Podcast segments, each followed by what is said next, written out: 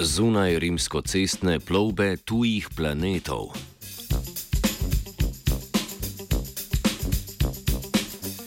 Znanstvenika z Univerze v Oklahomi sta s pomočjo podatkov iz nasinega Chandra X-ray observatorija kot prva na svetu z metodo gravitacijskega mikrolečenja zaznala planete zunaj meja naše galaksije.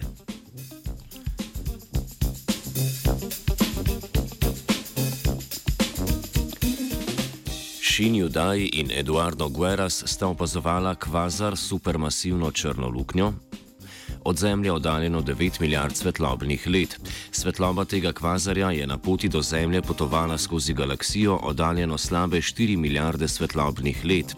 Ob prehodu je gravitacija dane galaksije svetlobo ukrivila in popačila.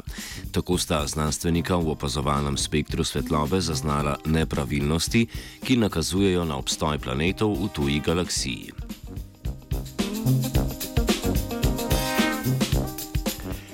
Gravitacijsko lečenje je pojav, ki nastane ob prehodu svetlobe skozi močno gravitacijsko polje.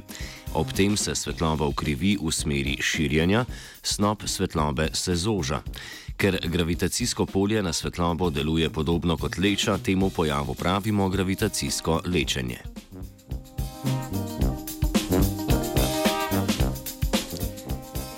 Na danem primeru je bilo opaženo kvadriplo gravitacijsko lečenje. To pomeni, da je slika svetlobe z kvazarja popačena tako, da na Zemlji vidimo sliko štirih kvazarjev. S tem ugotovimo preferenčne smeri gravitacijskega lečenja. Ob uporabi algoritmov inverznih poligonov pa lahko iz stalnih podatkov naredimo mapo gravitacijskih točk, ki so vplivali na pot svetlobe. Ob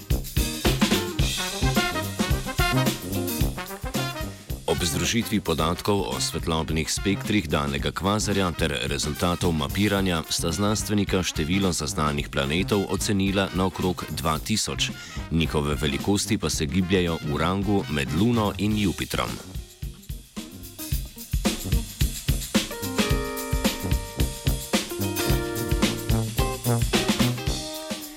Daju in Guerasu je tako kot prvima uspelo zaznati planete zunaj naše galaksije.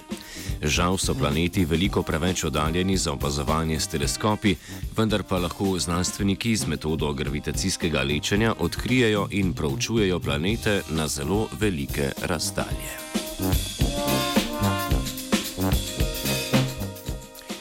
Iz čudežne dežele galaksije daleč, daleč stran, če smo iskreni, kar iz Alderana, vajenec Nec.